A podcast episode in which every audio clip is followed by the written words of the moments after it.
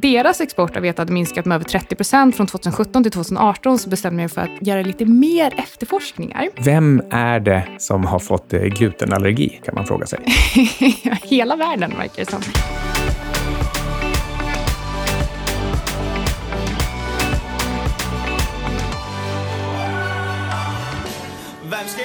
Du lyssnar på Outsiders. Vem med, ska man tro på, tro på? med Anna Svan och Micke Syding, det är mig man ska tro på. Det är väl kanske inte helt säkert att det är så, men däremot så bör vi eh, tro på att eh, Alexander Marton är grym på att klippa de här avsnitten som han har gjort eh, sen vi drog igång för över ett år sedan. Det är han. Sjukt bra. Vi diskuterade igår om vi skulle skaffa en till hund. Vi ska inte göra det, men, men om, vi, om vi hypotetiskt skulle skaffa en ny hund, vad den skulle heta. Vi har väl vissa misstankar om att Ronja faktiskt är dräktig. Det är inte jättekul och ja, vi får i, sådana fall så är det med en pomchi. ja, så korsning Dobermann-schäfer med en pomchi, ja det känns väl sådär kanske. Men vi sa i alla fall att en av valparna får heta EBDA, smeknamn Ebit, eh, men hela namnet är justerat EBDA, men det ser vi bara om vi är arga på, på valpen. Ja, och eh, går det riktigt illa så kommer jag att säga I want it fixed. så jävla dåligt. Ja, men vi går vidare. Hur har min portfölj gått den här veckan? Ja, vi har ju sagt att vi ska köra en portföljuppdatering eh, så att du får höra lite hur det faktiskt går. Och eh, under veckan så är portföljen upp eh, 2,57 procent. Eh, samtidigt steg OMX med bara 0,4 procent. Eh, jag tycker dock inte att vi ska jämföra veckovis för att det är lite för kort tid. Men om vi istället kikar på ett år så är portföljen upp 12,6 procent mot OMX eh, som är typ flat. Eh, hur som helst, veckan drev, veckans utveckling drevs väl kanske framförallt av Gran Colombia Gold som steg med över 9 Spotify fortsätter också sin återhämtning och eh, jag är faktiskt väldigt nöjd över hur jag handlat den här. Men nu låter jag faktiskt positionen vara. Jag är lite skeptisk till att de här portföljuppdateringarna så lägligt dyker upp just när allting verkar gå perfekt. Du har inte frågat innan.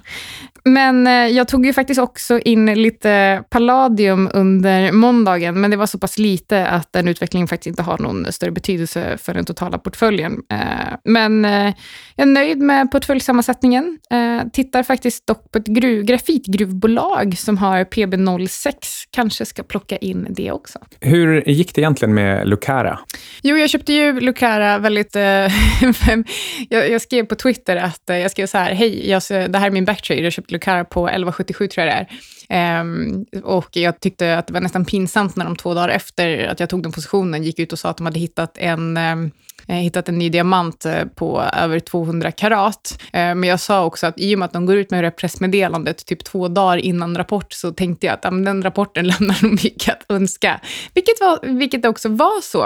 Eh, så öppnade minus 10 procent, men å andra sidan hade kursen gått upp rätt ordentligt innan dess. Så öppnade minus 10 procent. Det var folk som frågade om jag hade sålt och jag sa nej och det gjorde jag inte heller. Och sen så stängde den på på, to, äh, på fredagen på minus 4 procent typ. Så du är, du är fortfarande plus på den positionen och eh, jag har inte handlat den eh, och eh, kanske kommer utöka positionen något, men inte just nu. Jag tog en, inte en full size direkt. Oavsett hur det nu de facto gick med de här tradesen och eh, backtradesen så, så tycker jag att själva sättet som det här gjordes på är, är väldigt bra och eh, kan vara värt att ta fasta på. Till exempel den här analysen du gjorde av att om de nu släpper en så här positiv eh, information strax innan en rapport, ja, det brukar faktiskt vara så att då kommer en, en dålig rapport. Det, det vet man. Ehm, men du diskuterade igenom det här innan, var medveten om att det där skulle kunna inträffa, men du tyckte ändå att läget var tillräckligt bra för att inte chansa på att så skulle vara fallet.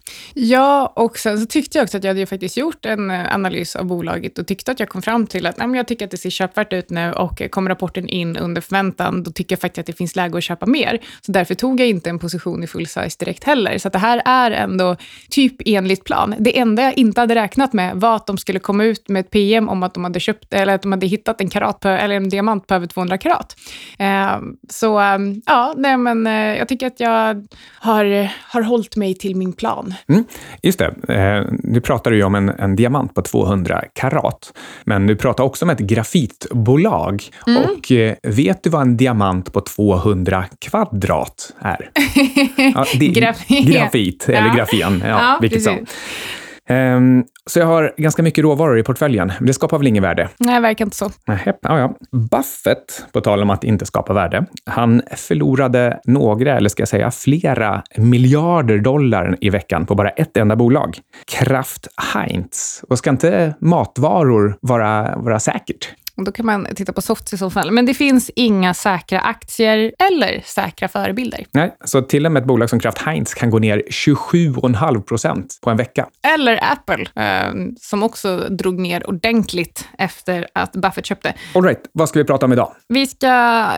Det är väldigt mycket gott och blandat idag. Jag var ju extremt exalterad när jag skulle djupgräva lite i Australiens export av kol, men hittade intressant data om vete. Vem är man egentligen? Jag satt alltså igår i fredags och läste jordbruksråvarurapporter hela eftermiddagen. Och jag satt liksom och var riktigt så här, genuint superglad över. Jag kommer ihåg att jag pratade om det, om, om det här med dig på eftermiddagspromenaden. Jag var helt studsig för jag var så himla glad över mina fynd. Kan du berätta hur du kom från kol till vete? Ja, men jag kommer till det snart. Eh, alldeles, alldeles strax. För vi ska också prata om, ehm, i, i dagens avsnitt om signalvärden, vad man ska lita på och vad man kan ignorera när det kommer till överflöd av makrodata som vi utsätts för varje dag.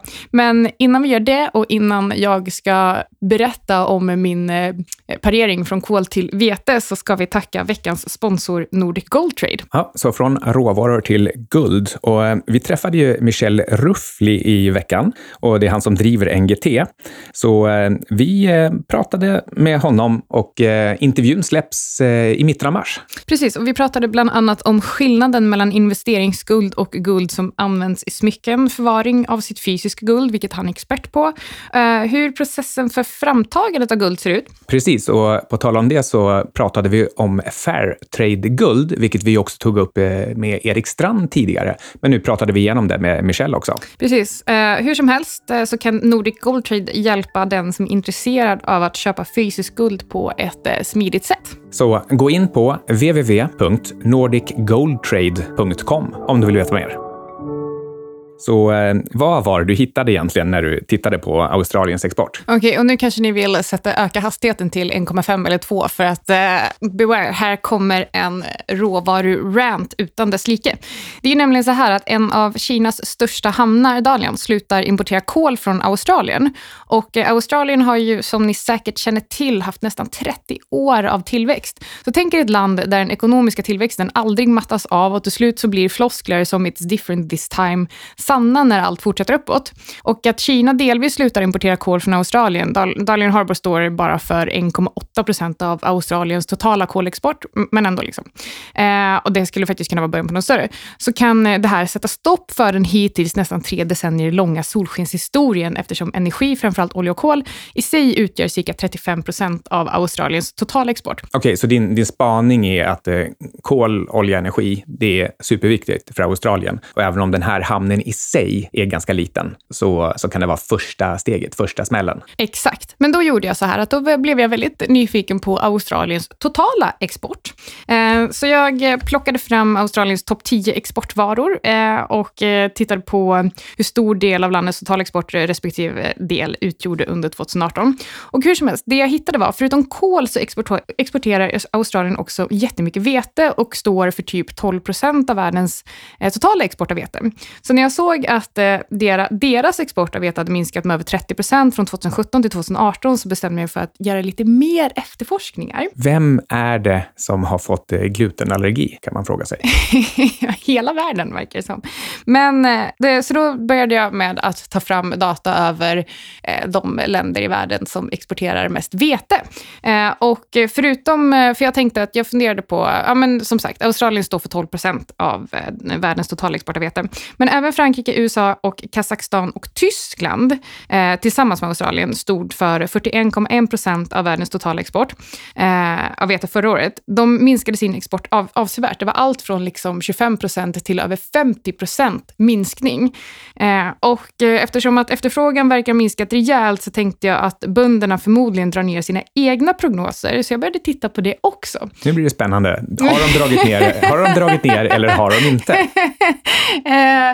Jo, eh, ja, bönderna verkar ha gjort det. Men jag, jag satt och hittade så US Wheat Associates eh, och hittade jättemycket spännande global data. Eh, och den globala produktionen väntas minska med 4% under det kommande året till totalt 735 million metric tons eller 735 miljarder kilogram. jag tycker det låter extremt mycket. Du kan vara miljarder kilogram. Man ska inte säga så till sin flickvän. Men, eh, men efterfrågan väntas faktiskt öka till totalt 747. Okej, okay, och det är så här, här kan man ju se någon typ av liksom läge. Men jag är inte riktigt färdig än. För då började jag också titta på vad bönderna själva säger. Alltså jag hade väldigt, väldigt kul. Jag kände mig riktigt som en... Alltså jag tappade lite grann där. Vad är det för läge man eventuellt skulle kunna se innan du går vidare? Ett köpläge. Ja, för att det, efterfrågan är större än tillverkningen. Än ja, precis. Mm. Men, och det här är ju om all tillverkning och produktion går som det ska. Men då tänkte jag, är det verkligen så? Eh, och svaret är nej, för bönderna eh, rapporterar om att det har varit extremt svårt att odla just vete inför skörden 2019-2020 på grund av den extrema kylan vi såg. Snälla, kan inte global warming bli hett igen? eh, och vete, precis som alla andra jordbruksråvaror, är billigt nu som det är. Eh, så helt plötsligt fann jag att om produktionen går som den ska, vilket den inte kommer att göra, så är efterfrågan fortfarande större än tillgången. Eh, så jag tror faktiskt helt enkelt att det finns många parametrar som pekar på att vi kan se stigande priser på vete de kommande 12 till 18 månaderna. Så, så att det, är, det är egentligen verkligen ett superläge. Vete är billigt samtidigt som supply demand är ur, ur balans och de har svårt att ens eh, ge den supply som de försöker. Det stämmer. Så det var mitt lilla sidospår. Så låt oss gå tillbaka till handelskriget. Lite olika slags makrodata, rekordstark börs, resultatrapporter, årsredovisningar, bolagsstämmor. Det finns liksom för mycket och dessutom är inte korrelationerna pålitliga och stabila. Mm, och eh, för att eh, inte tala om den här gåtan som inträffade under veckan där det kom svag inflationsdata i Sverige och så blev kronan svag av det. Hur, hur hänger det ihop? Den råkade bli svag. men, men det är väl ganska enkelt. Ekonomisk teori betalar för motsatsen. ja. Men uh, Ingves kommer väl fortsätta sänka räntan om inflationen är för låg. Ja, det... jag, jag, jag vill bara ge Ingves ett litet pro-tip. De skulle kunna titta på annan typ av data om de vill mäta inflationen. Jag vet inte. Uh, ja, det skulle de kunna göra. Äh, men det, det är sant förstås. Uh, vi får väl vänja oss vid, och vi har vant oss vid den här typen av omvända reaktioner. Det, det har liksom blivit omvända världen. Uh, och i det här ljuset så vi är ju eh, som bekant ganska skeptiska till eh, den starka börsen i år eh, i ljuset av svaga makrodata och faktiskt också vinstprognoser som justeras ner rejält. Um, men vad ska man göra då? Ja, det är ju annorlunda den här gången, det vet vi ju. Eh, och många indikatorer har helt enkelt tappat prognosvärde under de senaste tio årens centralbanks och algovälde. Mm, precis. Penningtryckande och algosar, som är den tekniska termen, har eh, Eh, det har lett till nya icke-intuitiva och föränderliga mönster. Och eh, vi kan ju faktiskt inte veta när det tar slut, särskilt inte när det redan har hållit på i tio år. Vad heter förresten den principen? Att saker fortsätter när de har redan fortsatt länge. Lindy-effekt. Ja, du tappade mig helt ja, där. Sorry, sorry. Eh, men, så vad vi behöver, vi behöver en ny känguru. Du menar canary? Uh, kangaroo in the coal mine? Mm.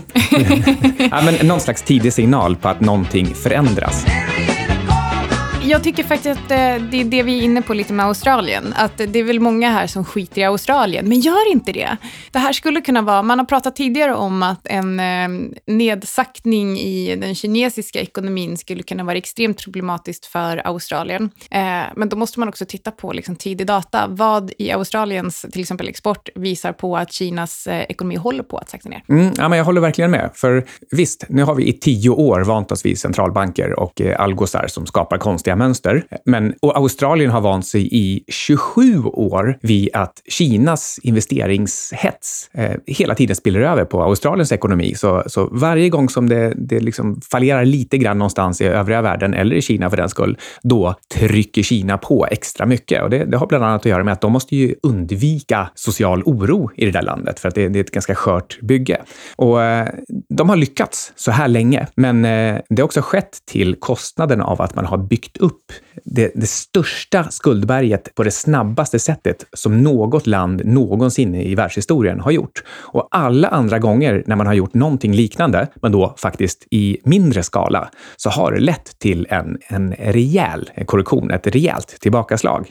Och skulle det hända nu, då är, då är Kina är det absolut viktigaste som händer i världen. Um, och Australien är just den här kängrun i kolgruvan. Precis, så Australien är kanske den viktigaste värdemätaren just nu och eh, det enklaste sättet att faktiskt hålla sig uppdaterad om läget är att bevaka den australiska dollarn, AUD. Hur har eh, den gått? Minus 10 procent mot eh, amerikanska dollarn det senaste året. Mm.